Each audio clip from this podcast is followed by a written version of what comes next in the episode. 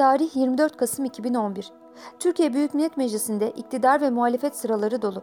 Pek de alışık olunmayan bir mutabakat havası var meclis salonunda. Kürsüde AKP adına Nurettin Canikli var. Sözleri net, sesi gururlu. Türkiye'de imzalandı, Mayıs ayında imzalandı sözleşme ve daha önemlisi parlamentosundan geçiren, yasalaştıran ilk ülke olma onuru da inşallah bize ait olacak biraz sonra. Hepimize ait olacak. Bütün milletvekillerimize, bütün gruplarımıza ve Türkiye'ye ait olacak. Bu gurur gerçekten çok tarihi bir anın da aynı zamanda yansımasını ifade ediyor. Canikli'nin konuşması alkışlanıyor. Mecliste karşılıklı teşekkürlerle iyimser hava esiyor. Oylamaya geçiliyor. Ve dönemin Başbakanı Recep Tayyip Erdoğan imzasıyla meclise sunulan İstanbul Sözleşmesi AKP, CHP, MHP ve BDP'nin oy birliğiyle 246 evet oyuyla meclisten geçerek kanunlaşıyor. İstanbul Sözleşmesi diye anılan metnin asıl adı kadınlara yönelik şiddet ve ev içi şiddetin önlenmesi ve bunlarla mücadele hakkındaki Avrupa Konseyi Sözleşmesi. Bu sözleşme 11 Mayıs 2011'de İstanbul'da imzaya açıldığı için İstanbul Sözleşmesi ismiyle anılıyor. Dönemin Başbakanı Erdoğan 3 Haziran 2011'de şu tweet'i atarak sözleşmenin imzalanmasından duyduğu memnuniyeti dile getiriyor. Kadına şiddet artık insan hakkı ihlali. Sözleşme Türkiye'nin ön öncülüğünde imzalandı. AKP uzun süre İstanbul Sözleşmesi'nin imzalanmasıyla övündü. Fakat zaman içinde başta İslamcı medya olmak üzere sosyal medyadan sözleşme aleyhine kampanyalar ve saldırıların dozu arttı. Sadece sol feminist kadın hareketi değil, Cumhurbaşkanı Erdoğan'ın kızı Sümeyye Erdoğan Bayraktar'ın başkan yardımcılığı yaptığı kadem başta olmak üzere muhafazakar çevreden kadınlar da sözleşmeyi savunduğu için saldırıların hedefi oldu. AKP'de politikasını tam tersi yöne çevirerek övünerek imzaladığı sözleşme için kaldırılmalı demeye başladı. 2011'de meclisteki oturumda evet oyu verenlerden olan AKP'li Mehmet Metiner 2020'de pişman olduğunu söyledi. Erdoğan da sözleşmenin gözden geçirileceğini söyleyerek sık sık aile yapısına saldırılardan söz etmeye başladı. AKP'nin sözleşmeyle ilgili niyetini en net haliyle ortaya koyan ise Saadet Partisi'nden Oğuzhan Asiltürk oldu. Asiltürk, AKP'lilerle yaptığı görüşmeyi anlatırken Erdoğan'ın İstanbul Sözleşmesi kalkacak dediğini kamuoyuna duyurdu. Böylece ana konusu kadınların yaşam hakkı olan sözleşmenin ittifak görüşmelerine konu edildiği de ortaya çıkmış oldu.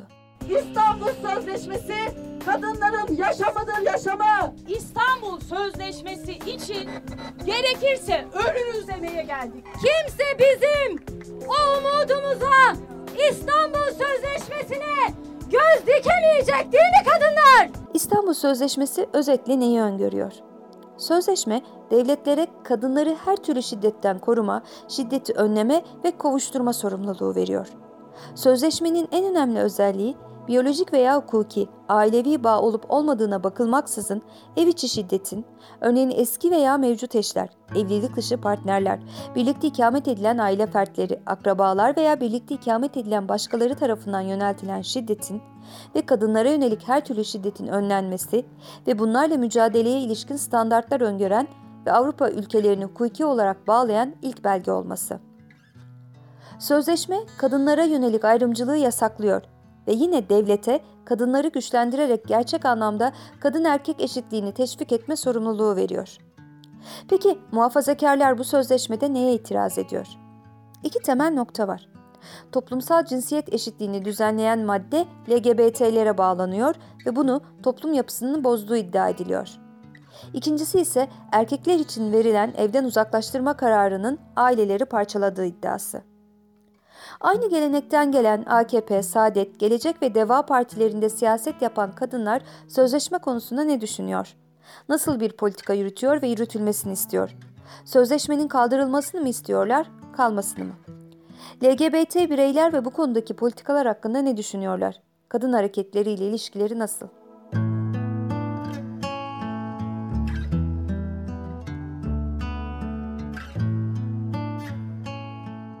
Ben Esra Koçak Mayda. Bu podcast serimizde AKP, Saadet, Deva ve Gelecek Partisi'nden kadın siyasetçilere İstanbul Sözleşmesi'ni, LGBT hareketi, feminist kadın hareketleri ile ilgili görüşlerini, yürüttükleri ve yürütecekleri politikaları ve kadınların partilerindeki temsiliyetini sorduk. ilk başlığımız olan İstanbul Sözleşmesi ile başlıyoruz. Sözleşmesi yaşatır!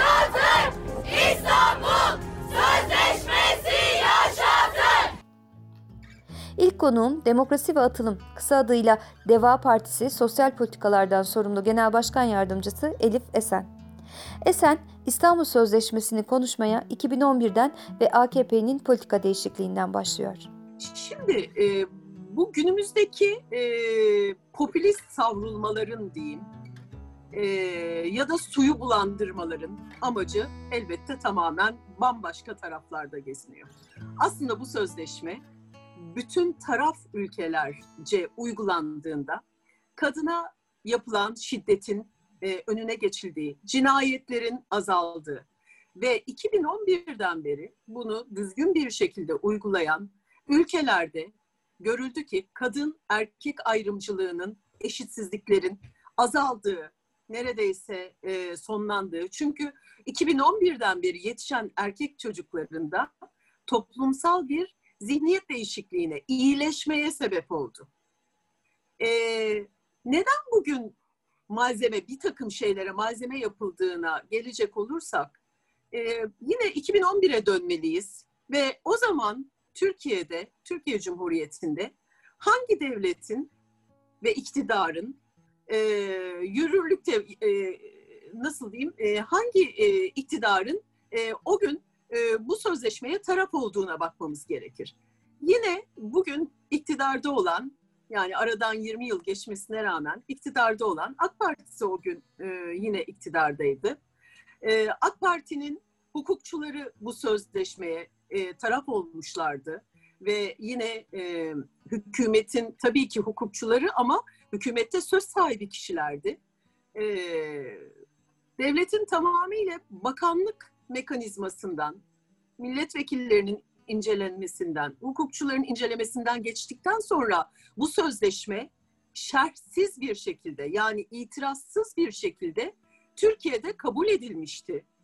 Ki biz baktığımızda, madde maddede okuduğumuzda bu sözleşmenin bugün konuşulanlarla e, içerik olarak uzaktan yakından ilgisinin olmadığını, sözleşmenin aslında tamamen kadını şiddetten koruyacak, kadın cinayetlerini engelleyecek, hukuki mekanizmaları barındırdığını ve bunun yanı sıra koruyucu, önleyici tarafının olduğunu yani toplumu zihniyet olarak da iyileştirdiğini ve koruyucu, önleyici eğer e, aşılmışsa o aşama e, bu noktadan sonra bir e, kovuşturma tarafının olduğunu yani hukuki tarafının olduğunu ve hukuki taraftan e, da geçtikten sonra e, bu şiddeti yaşayan e, kadın e, ve erkekler tarafından e, erkeğin de iyileştirilmesi söz konusu. Çünkü burada şiddeti uygulayanın da e, olay sonrasında hukuki işlemler tamamlandıktan sonra bir e, iyileştirme e, mekanizmasından geçmesi gerekiyor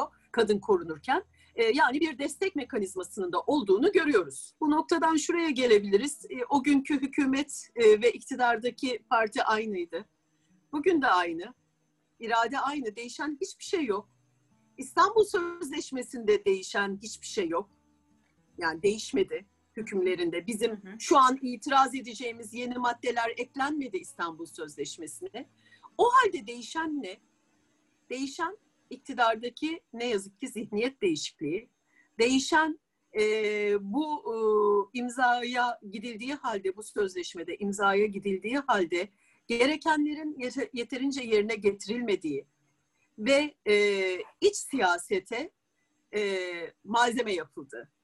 Bambaşka yerlere savrularak konunun e, toplumda ayrışmaya neden olacak bir e, siyasi araç olarak e, kullanıldığını bugün ne yazık ki görüyoruz. Ne yazık ki bu sözleşmeyle e, sözleşmeyi belki de hiç okumamış birçok insan oluşturulan algıyla bu sözleşmeyi e, bambaşka taraflarda düşünüyor. Özellikle muhafazakar e, kesimin burada e, yoğun yönlendirilmesi var. Önce tehdit etti, sonra da eski karısını vurup annesinin evini bastı. Bir kadını öldürdü, iki kadını yaraladı. İzmir'in Dikili ilçesi dün akşam korkunç cinayetle sarsıldı. Dikili'de Yukarıki Cami civarlarında. 23 yaşındaki Çiğlem Kılıç boşandığı eşi Alper Gül'le sokakta karşılaştı. O karşılaşma genç kadının sonu oldu. Aralarında çıkan tartışma kanlı bitti. İstanbul Sözleşmesi Türkiye'de hala yürürlükte. Buna bağlı olarak çıkarılan 6284 sayılı yasa da aynı şekilde. Ama Türkiye'de hemen her gün bir kadın öldürülüyor. Bunun da nedeni sözleşmenin ve sözleşmeye bağlı kanunların uygulanmaması. AK Parti Edirne Milletvekili ve Meclis Kadın Erkek Fırsat Eşitliği Komisyonu Başkanı Fatma Aksal, kadına yönelik şiddetin önlenmesi için İstanbul Sözleşmesi'nin tek başına yeterli olmadığını düşünenlerden. Biz anket yaptırdığımızda bir bakıyoruz bugün İstanbul Sözleşmesi nedir diye sorduğumuzda inanın toplumda bunu bilen, bunu okuyan yüzde dört buçuklarda, yüzde beşlerde. Herkes İstanbul Sözleşmesi hakkında konuşuyor ama İstanbul Sözleşmesi nedir? İnsanlar çok fazla bilmiyorlar. Bir Bakıyorsunuz bir kesim var, diyor ki işte kadını yaşatır. İstanbul Sözleşmesi'nden çıkarsak eva kadınlar ölür. İşte kadının e, yaşamasının tek garantisi İstanbul Sözleşmesi. Keşke bu kadar basit olsa. En büyük savunucusu biz oluruz. Ama maalesef sadece e, bir sözleşmeyle kadınların ölmesi durmuyor. Hala devam ediyor. İstanbul Sözleşmesi önemli midir? Önemlidir. Bir defa niçin önemlidir? İşte kadını öznesi yapan ilk sözleşme. Sembolik olarak ilk sözleşme. E, ve kadına karşı şiddeti e, konu alan bir sözleşme. İstanbul'da öz, e, imzalanmış. E, Türkiye ilk imzalayan ülke. Bu anlamda çok önemli. Ama baktığınızda aslında yaptırım olarak baktığınızda işte iki türlü uluslararası sözleşmeler var. Bir sözleşme, sözleşmeler, bağlayıcı bir de bağlayıcı olmayan sözleşmeler var. Aslında bugün e, insan haklarına baktığımızda, Avrupa İnsan Hakları Sözleşmesi'ne baktığımızda, Avrupa İnsan Hakları Sözleşmesi'nin yaptırımları İstanbul Sözleşmesi'nden çok daha fazla. Olayın öbür tarafına da bakıyorsunuz. Bir tarafta da bir kesim var toplumdaki bütün sorunların nedeni. Bugün boşanmalar oluyorsa işte İstanbul Sözleşmesi, kadın cinayetleri oluyorsa e, e, sözle, İstanbul Sözleşmesi, işte LGBT'lerin artması varsa bunun altında İstanbul Sözleşmesi. Yani bugün toplumda yaşadığımız bizim aile yapımızı bozan, toplumdaki belli değerlerimizi bozan ne varsa bir kesimi de bir dinliyorsunuz. Ne varsa hepsinin nedeni İstanbul Sözleşmesi. Keşke o taraf söylediği de bu kadar basit olsa. Akşama kadar İstanbul Sözleşmesi'nden o zaman çıkarız bu problemler de gider. Ama İstanbul Sözleşmesi'nden çıkmakla e, nasıl İstanbul Sözleşmesi tek başına kadına karşı şiddeti önlemiyorsa e, öbür tarafta da bu sorunlar, toplumdaki bu sorunlar da İstanbul Sözleşmesi'nden çıkmakla e, yok olmayacaktır. Önemli olan tabii ki bizim bu o, kadına karşı şiddeti önlemek için ne yaptığımız.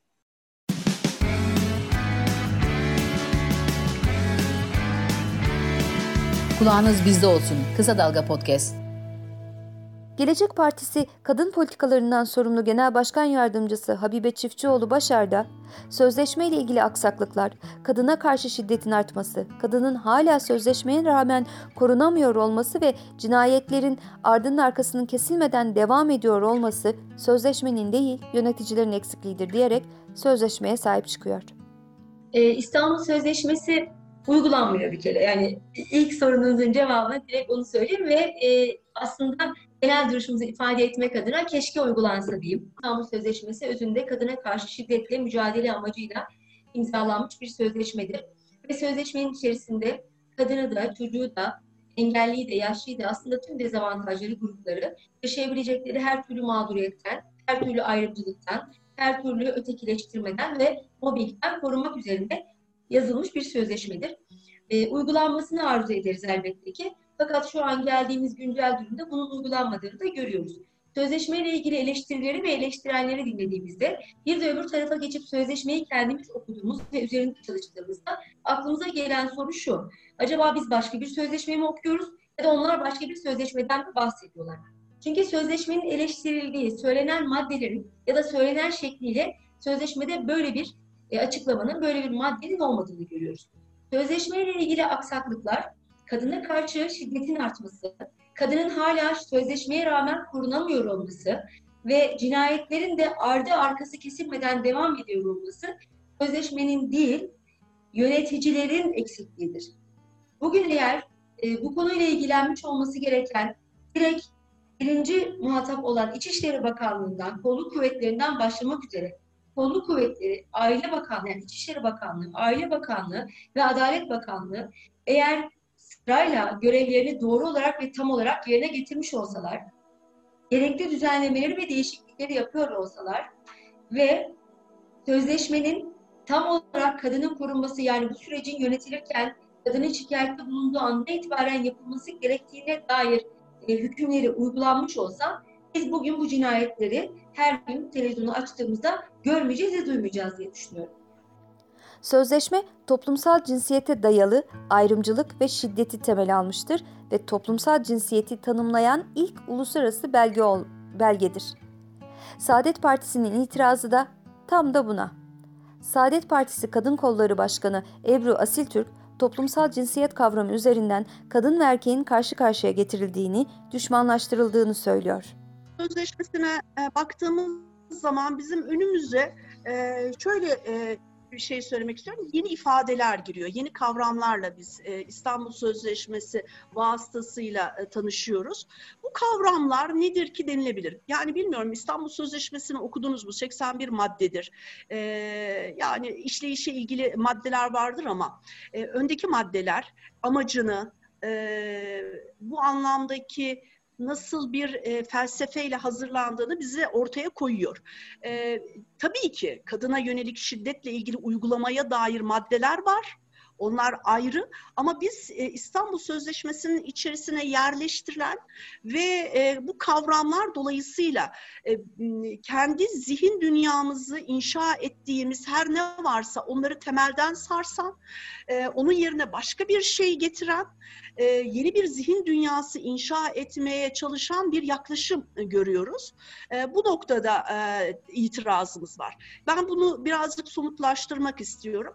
E, işte İstanbul Sözleşmesi toplumsal cinsiyet felsefesi temeli üzerine inşa edilmiş bir sözleşmedir desek çok da yanlış söylemiş olmayız. İstanbul Sözleşmesi ile birlikte yeni kavramlar literatürümüze, zihin dünyamıza girdi dedik. Bunlardan birisi de toplumsal cinsiyet. Şimdi toplumsal cinsiyeti biz tabii farklı platformlarda e, kadınlar, farklı dünya görüşüne sahip kadınlarla beraber bir araya geldiğimizde bunu konuştuk. Herkes tabii kendi e, perspektifinden e, bu e, kavrama bir mana yüklüyor.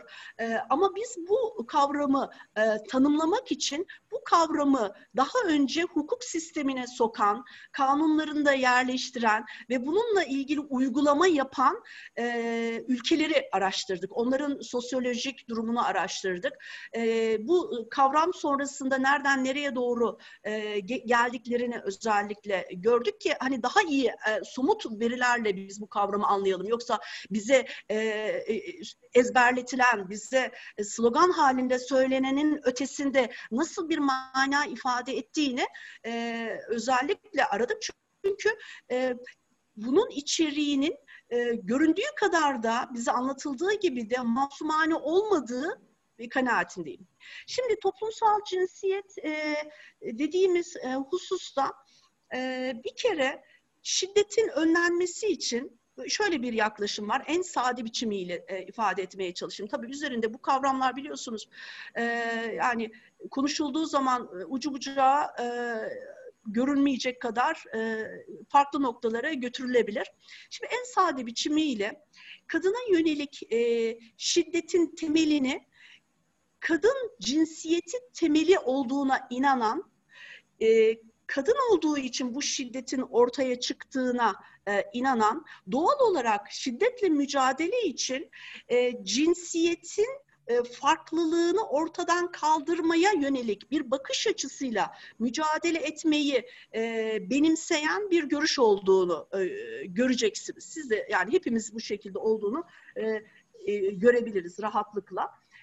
Burada e, cinsiyetsiz olarak başlangıç yapmanın e, e, özellikle kadın cinsiyeti temelli meydana gelecek şiddetin önlenmesi için bir e, başlangıç e, olduğu kanaatindeler.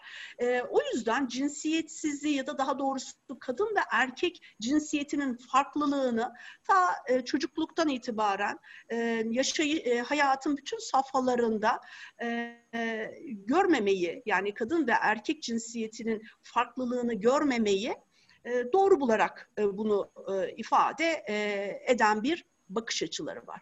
Biz bunun bize anlatıldığı gibi masumane olmadığını, e, beraberinde çok farklı e, süreçlerin işlediğini e, görüyoruz. Kadını erkekle ilgili olarak karşı karşıya getiren, rakip gösteren, yani e, erkeği potansiyel katil ve tecavüzcü gibi gösteren.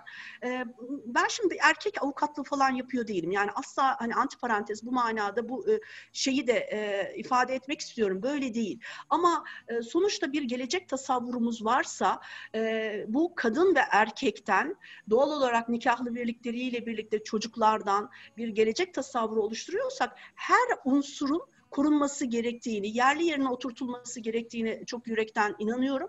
E, bu noktada e, bir itirazımız var. E, kadını erkek karşısında, erkeği kadın karşısına koymak yerine yan yana koymayı, rakip olarak göstermek yerine e, güzel bir e, kelime bu sevdiğim için e, kullanmak istiyorum. Refik olarak, arkadaş, yol arkadaşı olarak e, koymanın e, daha e, olumlu sonuçlar vereceğine inanıyorum. AK Parti Edirne Milletvekili Aksal ise kadına karşı şiddetin, kadın cinayetlerini partiler üstü bir mesele olarak değerlendiriyor. Yani burada biz bazen bakıyorsunuz muhalefet vekilleri özellikle CHP ve HDP'nin milletvekilleri ne zaman kadınlarla ilgili bir sıkıntı olsa mecliste çıkıp işte iktidar partisi vekillerini suçluyorlar. Yani bir kadının şiddet görmesini kim tasvip edebilir? Bunu hiç kimse tasvip edemez. Siz ne kadar üzülüyorsanız biz en az sizin kadar üzülüyoruz bu konuda. Ee, samimi olacağız. Hep birlikte hareket edersek e, bunu partiler üstü bir mesele olarak görürsek, siyaset üstü bir mesele olarak görürsek ben kadın sorunlarını birlikte başaracağımıza, çözeceğimize, kadına karşı şiddeti, bu tacizi, tecavüzü e, önleyeceğimize inanıyorum. Ama samimi olacağız. Kendi partimizde bunlar yaşanırken sessiz kalmayacağız. Sürekli aile, aile, aile deyip duruyorlar. İstanbul Sözleşmesi aile yapısını bozar. İşte kadınlar bundan gaz alıp, bundan güç alıp ailesini yıkmak istiyor diyorlar.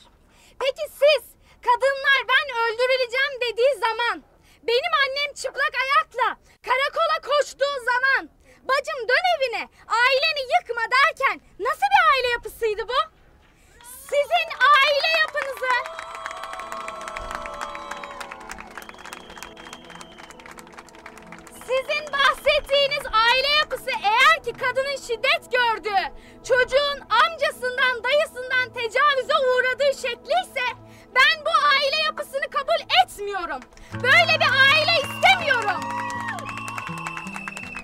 Defalarca karakola gidip şikayetçi olan, uzaklaştırmalar alan ama çare bulamayıp katledilen kadınlardan biriydi muhterem Evcil'de.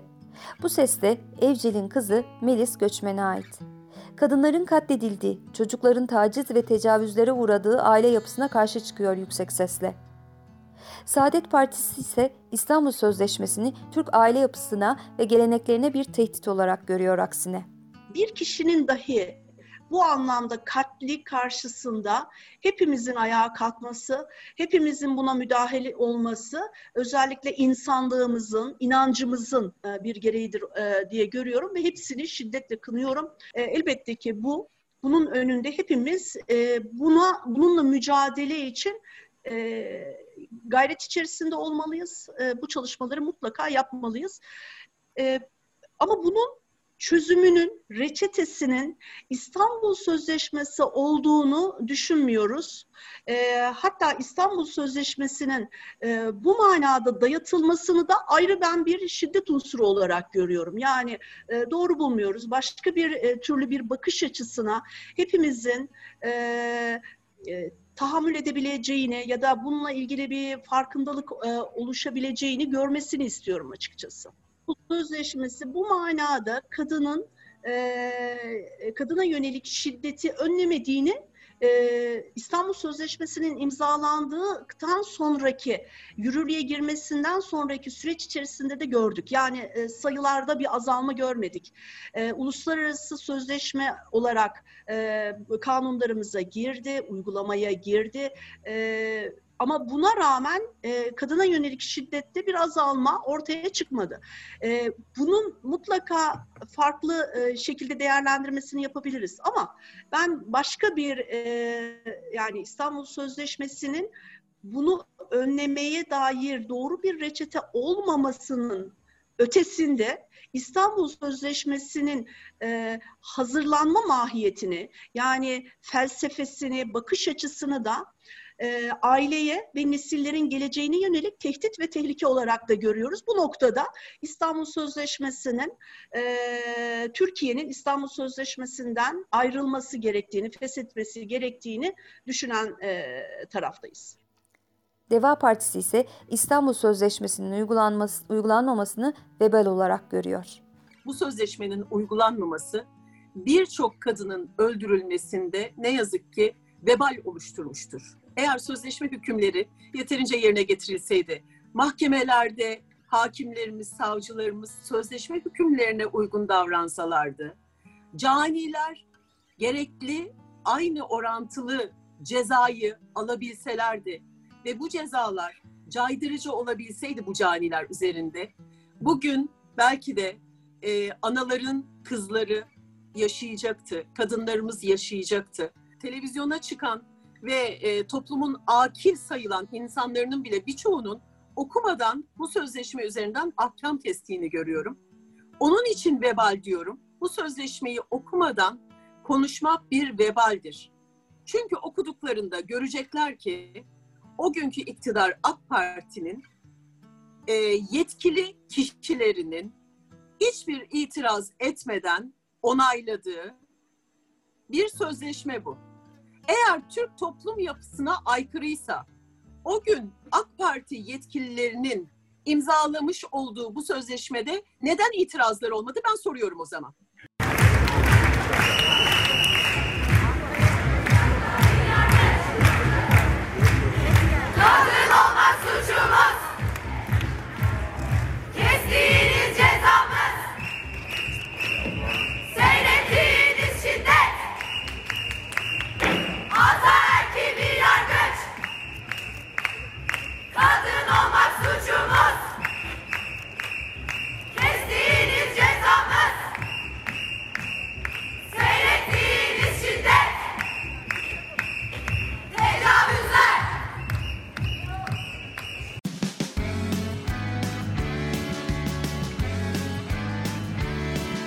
Kulağınız bizde olsun. Kısa Dalga Podcast.